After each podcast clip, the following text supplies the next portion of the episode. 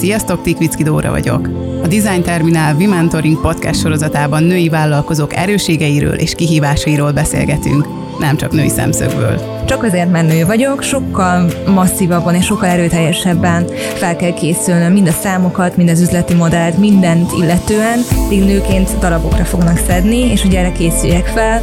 E, és ez tök jó volt, hogy elmondta, mert gyakorlatilag nem az volt, hogy akkor én most így megsértve éreztem magam bármikor, amikor egy ilyen helyzetbe kerültem, hanem jó, akkor felveszem igenis ezt a kabátot, és, és én igenis megmutatom, hogy e, mi mindenre tudjuk a választ. Köszöntöm a kedves hallgatókat a Design Terminál V-Mentoring nevezetű podcastjében. A mai témánk arról fog szólni, hogy milyen kihívásokkal néznek szembe a nők és a férfiak a startup világában. Ehhez pedig a vendégeim Kientetics Kinga, Európa egyik legsikeresebb női vállalkozója, a Publish Drive nevű online platform egyik alapítója, illetve Perényi András, a Webshippi alapítója és ügyvezetője, illetve kommunikációs szakember, digitális üzletfejlesztési tanácsadó. Szeretném azzal kezdeni, hogy kicsit meséljetek a ti startupotokról. Hogyan indult el ez az egész, Kinga? Először is köszönöm szépen a meghívást. Nagyon szuper, hogy egy női startup programról gyakorlatilag nőként és férfiként is itt vagyunk egyébként az asztalnál, úgyhogy ez nagyon szuper. Gyakorlatilag a Publish Drive az egy online könyvkiadói platform, és jelenleg elbukolt hangos könyveket, illetve print on demand könyveket is tudunk értékesíteni, illetve publikálni világszerte. Mi több mint 30 mm, ezer szerzővel és könyvkiadóval dolgozunk együtt, főként az Egyesült Államokból és Angliából, de nyilván nem így kezdtük. Alapvetően úgy indult ez az egész startup világ az én életemben, hogy publikálni akartam a mester szakdolgozatomat, és hát igen, ennek az lett a következménye, hogy azt láttam, hogy nem nagyon van egy olyan platform, ahol ezt jól, hatékonyan és globálisan lehetne csinálni. Így gyakorlatilag megszületett a Publish Drive-nak az ötlete, két társalapítómmal, akiket még az egyetemről ismerek, és idáig jutottunk ma, hogy kis magyar piacról e-, egészen most meg globálisan működünk. Lesznek itt még kérdéseim, de először András, még te is mutasd be. Köszönöm szépen, én is itt lehetek, sziasztok! Webshippy hat éve kezdtük el, ez egy kiszervezett logisztikai cég, alapvetően az amerikai mintát követve csináltunk egy fulfillment szolgáltatás nyújtó vállalkozást itt Magyarországon. Kingához hasonlóan nagyon tetszik, mi is egy saját problémából indultunk itt, tehát alapvetően webáruházakat üzemeltettünk, és azt láttuk, hogy ez a fulfillment iparág, ez a kiszervezett logisztika, ez dübörög már Amerikában, meg Nyugat-Európában, Magyarországon meg egyszerűen nem találtunk egy olyan céget, aki ezt jól tudta volna csinálni, vagy illetve olyan minőségben, hogy azt mi elvártuk volna, és gyakorlatilag magunknak kezdtünk el fejleszteni egy megoldást, ami leegyszerűsíti a, a problémákat, automatizálja a folyamatokat, kizárja a hibákat, és hát már a webship piac piacvezetői vált Magyarországon. Mi is most indulunk el a nemzetközi piacon, minden évben meg, megfogadtuk, hogy na akkor ez lesz az az év, amikor elindulunk a nemzetközi vizeken is, mert addig csak egy magyar startup vagyunk. Most már egy hete egy nemzetközi startup vagyunk, megnyitottuk az első szlovák raktárunkat, és hát nekünk is az a, köszönjük szépen, nekünk is az a cél, hogy, hogy alapvetően ne csak ebben az országban legyen ismert a webshipping név, hanem, hanem egy, hát ha nem is globális, de egy európai szintű sikersztorit szeretnénk építeni ebből. Mik voltak a legnagyobb nehézségek? Kezdjük azzal, hogy nőként. Húha, lehetne itt bőven sorolni a különböző nehézségeket. Alapvetően szerintem maga ez az egész startup és tech világ eléggé férfi domináns, hogyha így fogalmazhatok, úgyhogy azért belefutottam néhány ilyen problémás helyzetbe, abból kifakadóan, vagy abból fakadóan, hogy nő vagyok. Minden mellett ez egyébként járt egy pozitívumokkal is, tehát pont azért, mert kevés nő van, jobban ki lehet tűnni a tömegből, Viszont azért például, hogyha arról volt szó, hogy fundraising, akkor azért mm, nem feltétlenül volt a legpozitívabb a meglátása sok-sok investornak, amiatt, hogy ugye nő vagyok. Konkrétan volt egy női angyalbefektető, akivel még a San Francisco-ban beszélgettem, és ő említette ezt, hogy csak azért, mert nő vagyok, sokkal masszívabban és sokkal erőteljesebben fel kell készülnöm mind a számokat, mind az üzleti modellt, mindent illetően, mert ami még egy férfi nagyon sok esetben egy PPT prezentációval több millió dollárt tud rézelni, gyakorlatilag egy-egy meeting után, addig nőként darabokra fognak szedni, és hogy erre készüljek fel. És ez tök jó volt, hogy elmondta, mert gyakorlatilag nem az volt, hogy akkor én most így megsértve éreztem magam bármikor, amikor egy ilyen helyzetbe kerültem, hanem jó, akkor felveszem igenis ezt a kabátot, és, és én igen is megmutatom, hogy mi mindenre tudjuk a választ, és nem csak én nőként, hanem az egész csapat. Mi lehetett ennek az oka szerinted? Én azt gondolom, hogy talán abból fakadhat, hogy kevesebb nő volt még ezen a piacon, és nem feltétlenül bíztak még annyira a női vezetésben, holott elég sok szám egyébként azt mutatja, hogy sokszor a, női vezetők sokkal profitábilisabb célket tudnak egyébként maguknak tudni. De azt gondolom, hogy ez szépen lassan fejlődik, bár a mi régiunk az még mindig lemaradott, sajnos. Pont volt egy ilyen kutatás, amit az egyik lengyel investor, egyébként szintén nő, készített most tavaly, és gyakorlatilag az arról szólt, hogy mennyire mm, fektetnek be így közép-kelet-európában a különböző nő, illetve mixed gender, tehát hogy női és férfi alapítókkal rendelkező cégekbe is és az jött ki, hogy csupán egy százaléka kapja meg a nőknek gyakorlatilag az összes befektetésnek az, az összegét. Nem túl nagy szám. Nem, és a mixed gender, tehát ahol ugye mindkét nem jelen van az alapítói csapatban, az csupán 5 százalék. Tehát mind a, a 94 százalék pedig csak a fiúknak megy. De azt gondolom, hogy ez javul, és remélhetőleg ez még, még jobb lesz a jövőben. András, te ezekre reflektálva, hogy látod ezt a helyzetet? Hát most mondanám, hogy mindig azt nézték, hogy milyen ruhába vagyok, de nem férfiként az ember nem, nem ilyen kihívásokkal küzd. Azért az is nyilván túlzás, hogy, hogy nekünk annyira egyszerű, mert egy prezivel nyilván behúzunk egy investmentet, azért az egész tavalyi évünk arra ment rá, hogy behúzzunk egyet, amit a végén mi utasítottunk vissza tulajdonképpen, de, de hogy alapvetően azért ezzel jó, jó pár hónap el tud menni. De az tény, hogy, hogy van az emberekben egy olyan sztereotípia, ami, hát hány női elnököt ismerünk Amerikában, tehát egyet sem egyelőre. Tehát, hogy, hogy alapvetően nyilván van vannak azok a tipikus szerepek, amire egész egyszerűen a civilizációnk nem egy női szereplőt képzel el. Attól függetlenül, hogy sőt, még jobbak is tudnak lenni bizonyos esetekben, sőt, nagyon sok olyan sztorit olvastam, hogy alapvetően a női skillek, azok a fajta emocionális, kicsit az érzéseimre is hallgatok típusú skillek, azok sokkal előrébb tudnak vinni egy vállalkozást, vagy esetleg bizonyos üzleti döntéseket, mint hogyha csak sarkosan a tipikus pasis kocka a dobozba zárva nézzük a dolgokat. Úgyhogy ez egy tök érdekes dolog, és ezt el tudom képzelni, hogy valóban valóban baromi nehéz lehet, hisz az investor, is, investor oldal is általában, hát főleg nem 20-30 éves investor menedzserek ülnek, vagy investment menedzserek ülnek a víziknél, tehát ott is ráadásul majdnem mind férfiak, és egy idősebb generáció. Úgyhogy le a kalappal. és milyen kihívásokat tapasztalsz akkor férfiként? Ez nagyon érdekes. Én általában olyan típusú ember vagyok, aki mindig a megoldásokat keresem ugye mindenre, és a társam Varobcsuk Zoli is amúgy ilyenek vagyunk mind a ketten, és alapvetően nem kihívásként nézünk a dolgokra. Tök érdekes ez, hogy ha most így hirtelen kéne választani, mert tulajdonképpen semmi mondanám ezt. Aztán nyilván ez nem igaz, mert a mindennapokban persze van nagyon sok kihívás.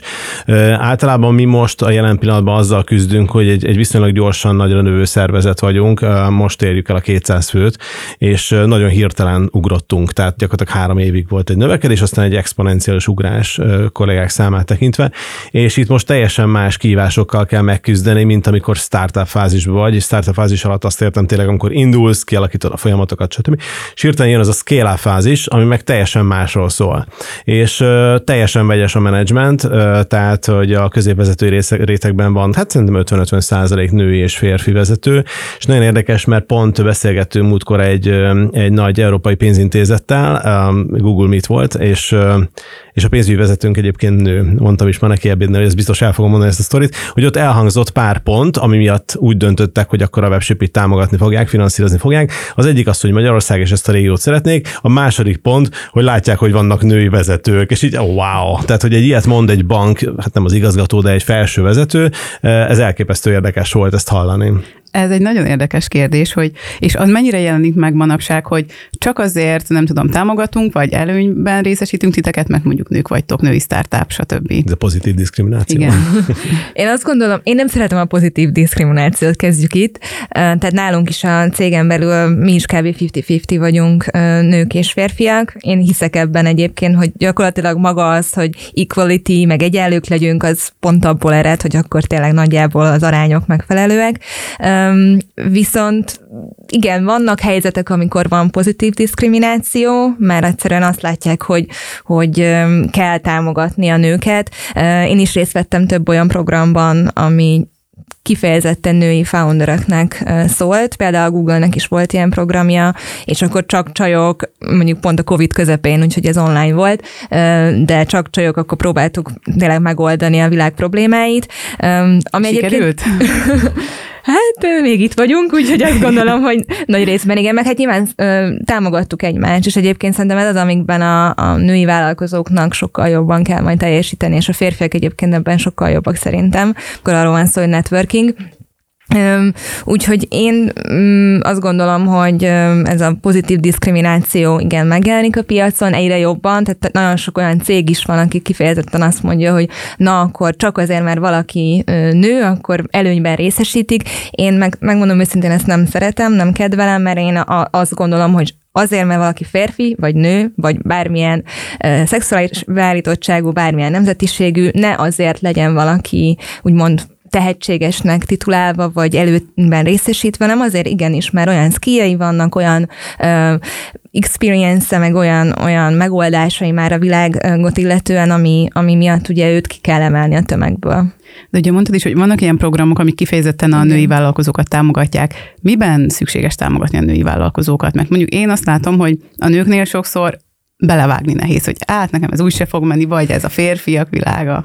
Igen, meg hát azért elég sok olyan nő is volt a programban, akiknek mondjuk volt már gyereke például, tehát ez is egy külön élethez, és sőt valaki éppen um, még terhes volt, de még nem vallotta be például a, az investorainak, hogy na, akkor ő most le fog lépni pár hónapra. Tehát, hogy vannak ilyen nehézségek is, amikkel ugye nyilván a, a nők mm, szembesülnek, de minden mellett az, hogy hogyan, tényleg hogyan támogassuk egymást, hogy hogyan lehessen um, gyakorlatilag ezt a bro culture-t um, mond így eltüntetni, olyan szempontból, hogy a nők is beférkőzzenek ugyanazokba a körökbe, és tudjuk egymást támogatni, hogyha arról van szó. És ez ugye ma már lehetséges globálisan minden tekintetben, tehát nem kell csak Magyarországról gondolkodni, hogyha erről van szó, mert ez a program is egyébként európai jellegű volt, sőt, Amerikában is van ez a program. Szerintem ez az egyik, meg hát ami nagyon szuper volt, hogy pont a Covid közepén azért én azt gondolom, hogy mindenkire ráfért egyfajta támogatási pszichésen, és nem csak azért, mert valaki ugye vezet egy vállalkozást, meg founder, hanem azért is, mert egyszerűen egy olyan helyzet elé álltunk mindannyian, amilyenben még nem voltunk, és pont emiatt egyébként az egész Google program is arról szólt, hogy egy ilyen leadership coaching is volt mögötte, tehát gyakorlatilag minden női founder kapott egy-egy coachot, akivel mind a vezetői problémákat, mind pedig a, a helyzet adott a problémákat át lehetett beszélni, megoldási helyzeteket lehetett rá kitalálni. Tehát azt gondolom, hogy ez is szuper, hogy igenis bevalljuk azt, hogy valamikor szükséges segítséget kérni, és a nőknek is szabad. Azt gondolom, hogy nagyon sok olyan kemény nőt ismerek én magam is, akik nem szeretnek segítséget kérni, mert azt gondolják, hogy majd ők megoldják egyedül, de igenis kell, és, és szerintem ez a program is felnyitotta a szemét az embereknek, hogy, hogy erre szükség van. És András, te, te ezt hogy látod? Valóban az egy nehéz kérdés, hogy nálunk is ugye most hát egy éves már a, a baba, de hogy látom a páromon, hogy például a kislányunk nagyon ragacs, tehát ő inkább ö, folyamatosan az anyukájával van. Ezt most el nem tudom képzelni, hogy hogy, hogy férne bele emellé azt, hogy egy vállalkozást még épít.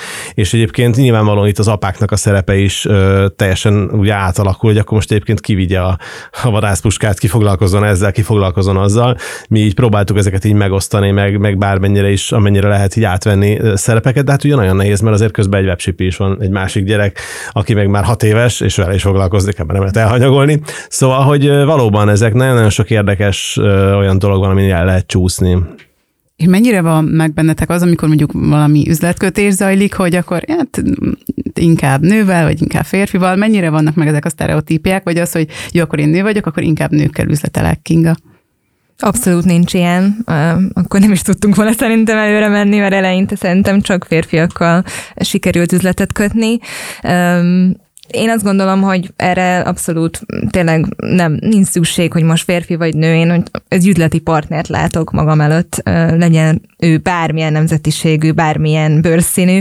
Sajnos ilyen problémába is ütköztem egyébként, hogy um, konkrétan egy meetingre mentem, um, ahol egyik ilyen elég nagy könyvértékesítő partner, globális, direkt nem mondom a nevüket, um, volt a másik um, fél, és az illető ugye fekete bőrszínű volt, amivel semmi problémám nem volt, mert én előtte lecsekkoltam az illetőt, meg megcsináltam úgymond a házi feladatot, tudtam, hogy kivel fog találkozni, és hát igen, a másik fél viszont ezt nem tette meg, és gyakorlatilag erről szólt a meeting, a 30 perces meeting, mert ez egy könyvásáron volt, ahol így tek-tek-tek kell menni előre, 30 perces meetingből 20 perc arról szólt, hogy én nő vagyok, és hogy ő ezt nem tudja feldolgozni, mert hogy az e-mailjim alapján ő engem férfinek gondolt. És így próbáltam ezen túllépni. Mit írhattál abba az e-mailbe? Nem tudom, nem, nem volt szerintem semmilyen bro vagy hasonló jellegű, de örülök, hogy, hogy ilyen magabiztosnak tűnhettem akkor az e-mailekben. De a lényeg az az, hogy tényleg a maga a meeting miatt így eléggé elment egy olyan irányba, amit én nem szerettem volna, és nagyon nehéz volt visszaterelni ebbe a mederbe. Úgyhogy hogy én azt gondolom, hogy nem kellene arról szólnia egy üzletnek, hogy a másik fél nő vagy férfi, de nyilván az viszont közrejátszik, hogy igenis azokkal az emberekkel szeretünk jobban üzletelni, akik akiket kedvelünk. Tehát ez, ez így van az üzleti világban, erre sajnos, vagy hát nem sajnos, ezt mindenki tudja, hogy ez így működik, és ez ilyen szempontból lehet nő, lehet férfi, mert kedvelni bárkit lehet, én azt gondolom. András, te mit tapasztaltál? Volt olyan, hogy valaha inkább üzletetél férfival, mint nővel, vagy, vagy csak azért is, hogy nagyon nő, akkor inkább vele is, most őszintén? Nem, én azt gondolom, hogy azért ez főleg 40 fölött, ez ilyen, vagy már 30 fölött is szerintem ez durva lenne, hogy az ember ezen elkezdene gondolkodni, tehát nem, a, teljesen mindegy kiül a másik oldalon. Sőt, egyébként, egyébként a, tehát hogyha például a kollégákat nézem, akkor, akkor például ugye, hát egyrészt ez a termékfejlesztés tartozik alám többek között, és hogy ott is például a product ownereket igyekszünk úgy összeválogatni, amikor végre-végre talált a HR egy, egy, egy csajt, akkor azt mondom, hála jó Istennek, mert hogy kell, kell ebbe az a fajta hát nem is tudom, hogy fogalmazom, az az érzelmi töltet, töltet, amit nem biztos, hogy egy férfi úgy bele tud rakni. Tehát a férfiak, ugye, hát bocsánat, sztereotípia, de hogy, hogy van az, hogy ők racionálisabbak, ők meg emocionálisabbak. Most nyilván nincs ilyen, hogy ez vagy az, de hogy alapvetően azért van ez az általános nézet, és azért nyilván az általános nézetek azért vannak, mert amúgy hozzák is. Tehát nálunk is a pasi PO-k azok, azok racionálisabbak, a nőek pedig meg emocionálisabbak. És igazából ez kellett. Tehát, hogy például egy terméknek szerintem kell, hogy képviselje, a végeredménynek kell képviselje mind a kettő oldalt, mert különben, különben nem lesz olyan nyilván lehet, hogy a végeredmény az, hogy pont a csajok nem fogják tudni úgy használni azt a terméket, csak, csak ilyen pasis, racionális gondolkodású emberek, és az sem jó. Úgyhogy szerintem nagyon fontos az, hogy az arány, akár egy cégen belül ez így, ez így meglegyen. Ezt örülök is, örülök is, hogy felhoztad, most megint nem leszünk túl polkorrektek. Kezdjük a negatíval. Szerinted, szerintetek milyen negatív tulajdonságokkal rendelkeznek, hogy általánosságban a nők, amiken mondjuk fejleszteni kell, hogyha startupban gondolkodnak? Kinga? Amit már egyébként említettél, abszolút benne van, hogy kevésbé mernek a nők elindítani valamit, vagy kevésbé bátrak sok esetben. Én például nagyon sokszor megkaptam ezt a jelzőt, hogy én milyen bátor vagyok, úgyhogy valószínűleg én pont hozom ezt, a, ezt az irányt. A nőhöz képest milyen bátor vagy. ja, hát igen, ez a nagyon szép megfogalma. Nőhöz képest valaki jól focizik mondjuk, vagy valami hasonló. De ezt pont megkaptam már. Na igen, úgyhogy abszolút ez az egyik, ami szerintem, és minden, én is amikor megyek különböző ilyen konferenciákra és a női vállalkozásról tartok előadást, mindig ezt mondom, hogy szerintem érdemes először ezzel foglalkozni, hogy igenis el kell indítani, merni kell lépni, mert igazából veszíteni való nagyon sok esetben tényleg nagyon közelít a nullához, vagy kevés van.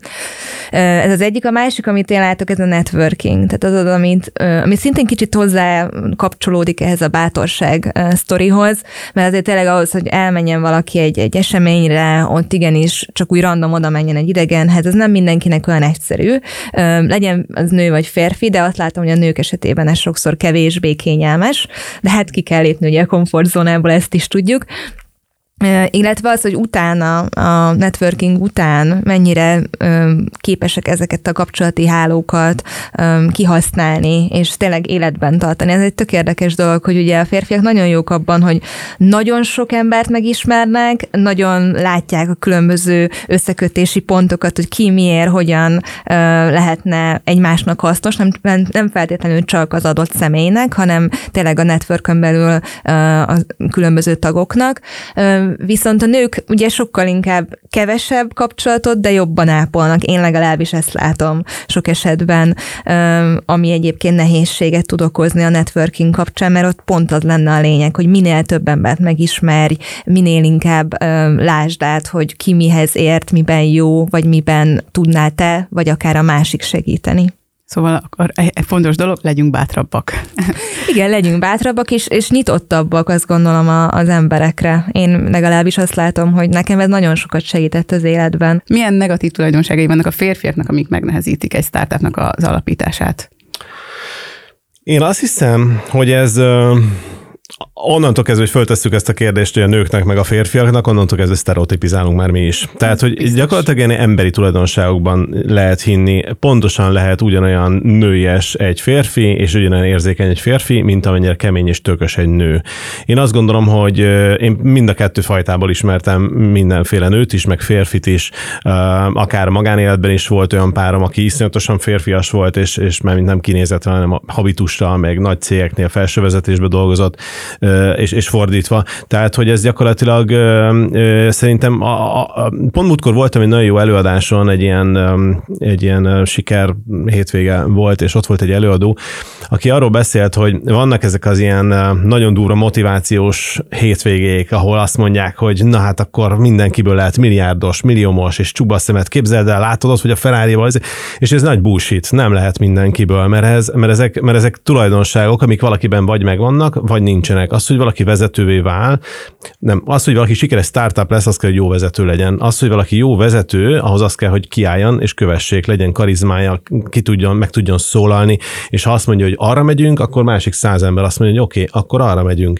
Ez ugyanúgy meg lehet egy nőben, és ugyanúgy egy férfiban, és ugyanúgy meg lehet az, hogy egy férfi egyszerűen nem bír arra a szintre eljutni, hogy ő ezt így hozza, és bármennyire is mindent jól csinál, bárhány könyvet elolvas, bármennyi mindent tud a, a befektetésekről, akkor sem lesz jó vezető, és, és, és fordítva.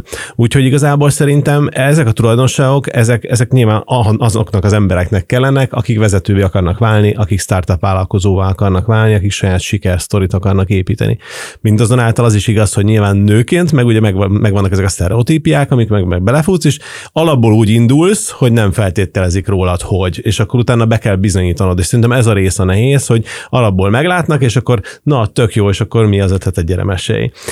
Pont múltkor néztem a Shopify-nak, ugye nagy webshop motor, indított egy TikTok csatornát, és akkor ilyen, ilyen nagyon rövid, tehát ugye ilyen 20 másodperces videók vannak, amiben elkezdtek ilyen sikersztorikat, ilyen vállalkozói sikersztorikat, és akkor volt, tehát nyilván nem, ilyen abszolút ilyen nem hivatalos hivatalos stílusban nyomják ezeket a videókat, és volt nagyon sok olyan női elkereskedő, online kereskedelemmel foglalkozó vállalkozó, aki ugye úgy, úgy mondta azt magáról, hogy igen, akkor társaságban elmeséli azt, hogy, hogy akkor mit csinál, és akkor a tipikus kérdés az, hogy ja, és hogy van a kis cuki vállalkozásod, és akkor köszi szépen, csak azért, mert nő vagyok, mert fiatal vagyok, hogy van a kis cuki vállalkozásom, csinálom még, és köszi azóta nem tudom hány százer dollárt csinálok havonta.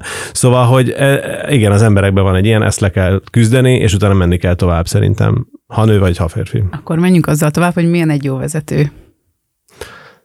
Hű, hát itt egy hosszú listát lehetne. Alapvetően szerintem attól függ, hogy milyen fázisban mm, van mondjuk egy vállalkozás. Hmm. Szerintem mindig más típus kell. Én, én abba hiszek, hogy tehát ami egy, ami egy cég vezetéséhez kell, én nem vagyok benne biztos, hogy ezt egy emberben meg lehet találni. Nálunk például tök szerencsés a, a helyzet, mert ugye a társammal, Zolival ugye leosztottuk a, a területeket egymás között, és ugye nagyon szerencsés az, hogy, hogy mind a ketten kicsit más agyféltekét használunk. Ő nála vannak bizonyos racionálisabb területek, nálam picit emocionálisabb területek, tehát a termékfejlesztés, marketing, az brandépítés, PR az nálam, nála pedig az operáció, pénzügy, sales. És hát én azt gondolom, hogy az, hogy valaki jó vezető legyen, ahhoz az kell, hogy jó motivátor legyen, és higgyel azt magára, hogy nem ért mindenhez. Ha ezt elhiszed, akkor utána túl tudsz lépni azon az egón, ami, ami abban gátol, hogy fölvegyél nálad okosabb embereket. Ha ez megvan, akkor körülveszed magad magadnál okosabb emberekkel, akiknek annyi a dolgot, hogy egyértelműen kommunikáld a víziót, hogy oda akarunk eljutni, az értékeidet, és, és vidd végig azt, hogy ők motiváltak legyenek, hogy elérjék ezt a célt. Szerintem igazából ezt tesz egy vezetőt jó vezetővé. Kinga, szerinted? Igen, nekem is abszolút a vízió szó jutott egyébként először eszembe, hogy egy jó vezető szerintem rendelkezik egy elég meghatározott vízióval, amit pontosan, ahogy mondtad, a többi embernek is át tud adni elég egyértelműen, kézzelfoghatóan, és nem csak magát a víziót, hanem gyakorlatilag a, a csapatot is fel tudja köré építeni, hogy igenis itt legyenek olyan emberek, akik bizonyos mm, különböző skillekkel rendelkeznek, különböző háttérrel jönnek, jönnek, mert nagyon könnyű abba beleesni, hogy nagyon hasonló embereket vesz fel az ember, főleg az elején egy startupba, mert hát nyilván a barátaidat is úgy választott sok esetben, hogy ugye nagyon hasonló háttérrel rendelkeztek, de pont ez a diverzitás, ez nagyon-nagyon sokat segít, én azt gondolom, ahhoz, hogy egyébként egy, egy cég jól fejlődjön. Tehát tényleg nagyon jól kell bánni az emberekkel. Én ebben a leadership sztályban hiszek, tehát nem a mikromanagementben, hanem abban, hogy én igenis felhatalmazom a, a munkavállalókat, illetve a, a kollégáimat ö, azzal kapcsolatban, hogy én, én hiszek abban, amit ők csinálnak, az jó lesz, és igenis tudom, hogy jó döntéseket fognak hozni, de ha meg nem, már, vala, mert nyilván mindenki hibázhat, akkor én ott állok mögöttük, és segítek nekik. Tehát, hogy én ebben hiszek, nem pedig a mikromanagementben. Úgyhogy én azt gondolom, hogy egy vízió, vízió szükséges egy jó vezetőnek, és utána pedig ezt egyébként egyébként egy jó csapattal felépíteni, és továbbvinni ezt a víziót olyan tekintetben, hogy átadni a, a stafétapotot gyakorlatilag másoknak is, hogy ők is tudjanak érvényesülni, és, és tudják vinni előre a céget. Mert azt gondolom, hogy egy jó vezetőnek ez a, ez a fő hozzáadott értéke, hogy nem kell minden egyes pici döntéspontnál ott, kell, ott lennie. Egy sztereotípia még az is, hogy a nők nem tudnak elég keménykezű vezetők lenni, vagy, vagy az, hogy esetleg, hogy, hogy egy nő már nagyon elférfiasodik, hogyha vezető pozícióba kerül. Viszont én úgy látom, hogy egyre jobban terjed az a tendencia, hogy fontosabb a keménykezűségnél az asszertivitás például. Mm-hmm. Ez mennyire van most jelen? Hogy állunk most jelenleg? Én azt gondolom, hogy ö, abszolút nálunk azért, ha megkérdezitek, hogy ö, a kollégákat, hogy keménykező vagyok-e, vagy sem, hát azért szerintem tudják, hogy szigorúbb ö, tudok azért lenni. Úgyhogy nem azért jutottunk el ide, mert nem kértem számon, hogy mi hogy áll, és hogy merre megyünk. Ö, viszont az tény, hogy, hogy ö, szerintem a mai, mai vezetési style, az, meg mai leadership style, az már nem felel meg annak, ami mondjuk 20-30 évvel ezelőtt volt, és ez így is van jól, hiszen az emberek fejlődnek, a, a generációk is folyamatosan más igényekkel, más habitussal rendelkeznek. Egyébként ez egy tök jó tanulási folyamat, hogy annak ellenére, hogy én is fiatal vagyok, már a mostani generáció is tök más, mint amilyenek mondjuk mi voltunk, és nyilván nálunk egyébként vannak idősebb generációk is a csapaton belül, tehát ez is, ez is annyira érdekes, hogy, hogy hogyan tudunk különböző generációkból, különböző háttérrel úgy együtt dolgozni, hogy a végén tényleg abból a, nem tudom, X-ből lesz 20x igazából at the end of the day, mert ezért dolgozunk együtt, hogy ugye a, a mi erőforrásaink a végén multiplálódjanak. Um, Úgyhogy abszolút ö, asszertivitás az, az jelen van a mindennapokban, ö, meg hát nagyon agilisnek is kell lenni. Tehát, hogy bármelyik pillanatban bármi történhet ma már a világban, ugye ezt tudjuk, hiszen túl vagyunk, hát vagy hát még benne vagyunk a pandémiában, a háborúban, gazdasági világválság, már minden. Azt gondolom, hogy a terítéken van. Sok mindent megértünk az elmúlt időszakban. És még biztos. mi mindent megfogunk, az biztos. Úgyhogy ö, abszolút fel kell készülni arra, hogy igen, az a terv, amit tegnap letettünk az asztalra, lehet, hogy holnap holnap tök más milyen lesz, és ezt igenis egyrészt el kell tudni fogadni egy vezetőnek, hogy már pedig ez, ez a tervmódosulásra mm, kell, hogy menjen, illetve ezt át kell tudni vinni az embereken, mert azért ez nálunk is nehéz volt, hogy hozzászokjanak az emberek ahhoz, hogy az, amit mondjuk egy hete elhatároztunk, hogy így lesz, most azt mondjuk, hogy totál a másik irányba kell menni, mert egyszerűen jött a piacról egy olyan visszajelzés, vagy egy olyan esemény, ami miatt egyszerűen azt a csónakot más merre kell levezni annak érdekében, hogy a legtöbbet kihozzuk a, a cégből. Úgyhogy ez, ez azt gondolom, hogy ez nagyon-nagyon szükséges, és aki, akinek ez a tulajdonsága nincsen megvezetőként, annak elég nagy, nehéz dolga lesz a mai világban. András, benned ez a két tulajdonság megvan, amiről beszéltünk? hát én szerintem nem vagyok egy kivezetten kemény vezető.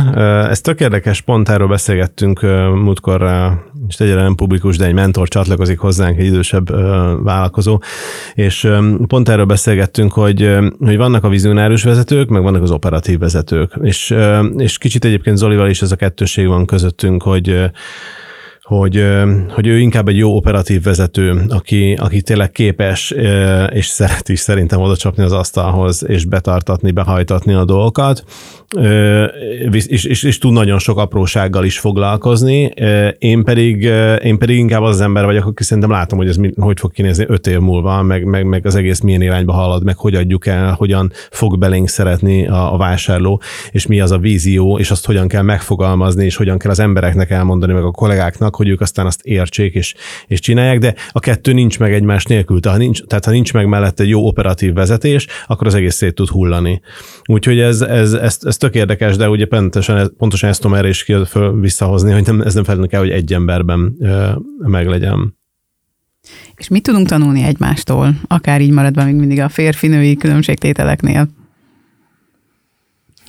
Szerintem a legfontosabb az, hogy hogyan tudunk tök más háttérrel mégis úgy együtt dolgozni, hogy igazából élvezetes legyen a munka, mert hát mi is egyébként cégként, mi szeretünk együtt dolgozni. Tehát nem azért dolgozunk együtt, mert hogy ö, kell nyilván, hogy legyen egy betevő falat az asztalon, hanem azért, mert szeretünk problémákat megoldani, ö, szeretünk együtt rájönni arra, hogy mi lehet a megoldás, ö, és szeretünk együtt időt eltölteni is. Úgyhogy én azt gondolom, hogy ö, mint legfontosabb egymástól eltanulnunk az az, hogy igenis emberek vagyunk, emberként foglalkozunk egymással, ha üzletről van szó akkor is, és tök mindegy, hogy nő vagy férfi az illető, mert, mert nem erről szól, vagy nem erről kell, hogy szóljon egy, egy cég építés, hogy valaki nő vagy férfi, hanem arról, hogy milyen értéket tudunk mi teremteni, milyen értékekre épül fel maga a cég, tehát hogy nyilván fontos az, hogy ugyan más háttérrel rendelkezünk, de ugyanazt gondoljuk, ugyanazt higgyük legalábbis arról, hogy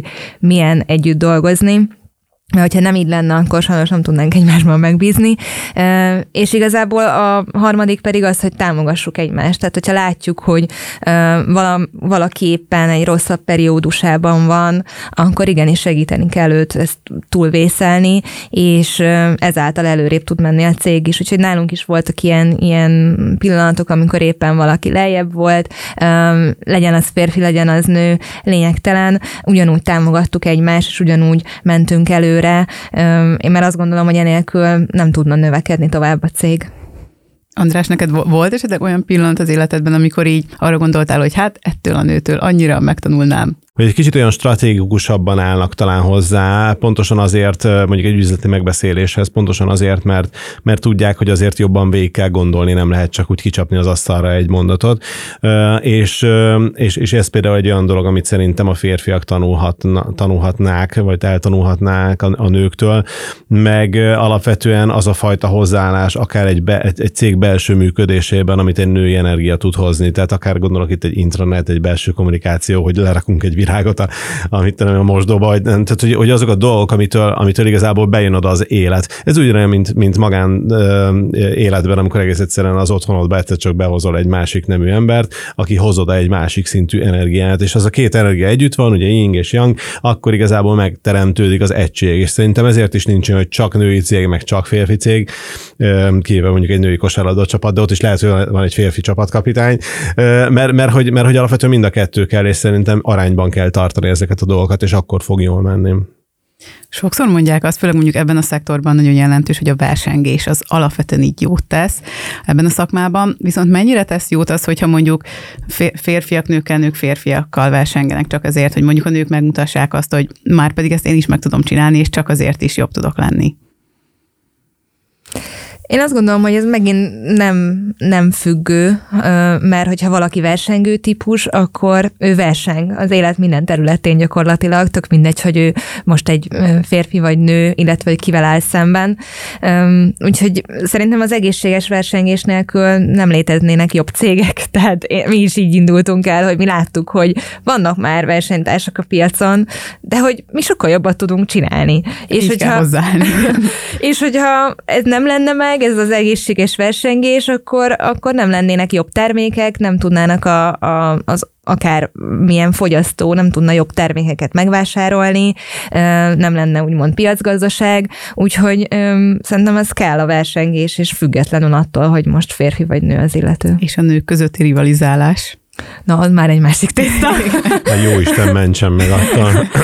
Ö, igen, ilyen is van. Ö, ilyet is sajnos tapasztaltam, hogy annak ellenére, hogy nők vagyunk, össze kéne tartanunk, inkább ezt a rivalizálást ö, érzékeltem több nő részéről, ami egyébként tökre sajnálatos dolog, mert mondom, a férfiaknál én inkább ezt a bro culture-t látom, hogy akkor igenis a haverok vagyunk, izé, hogy tudjuk egymást segíteni. Tehát nem, nem érződik ez a rivalizálás olyan szinten, szinten. Persze nyilván ott is vannak, tehát hogy nyilván azért a férfiak is szeretik megmutatni, hogy ki a, ki a jobb, de más szinten.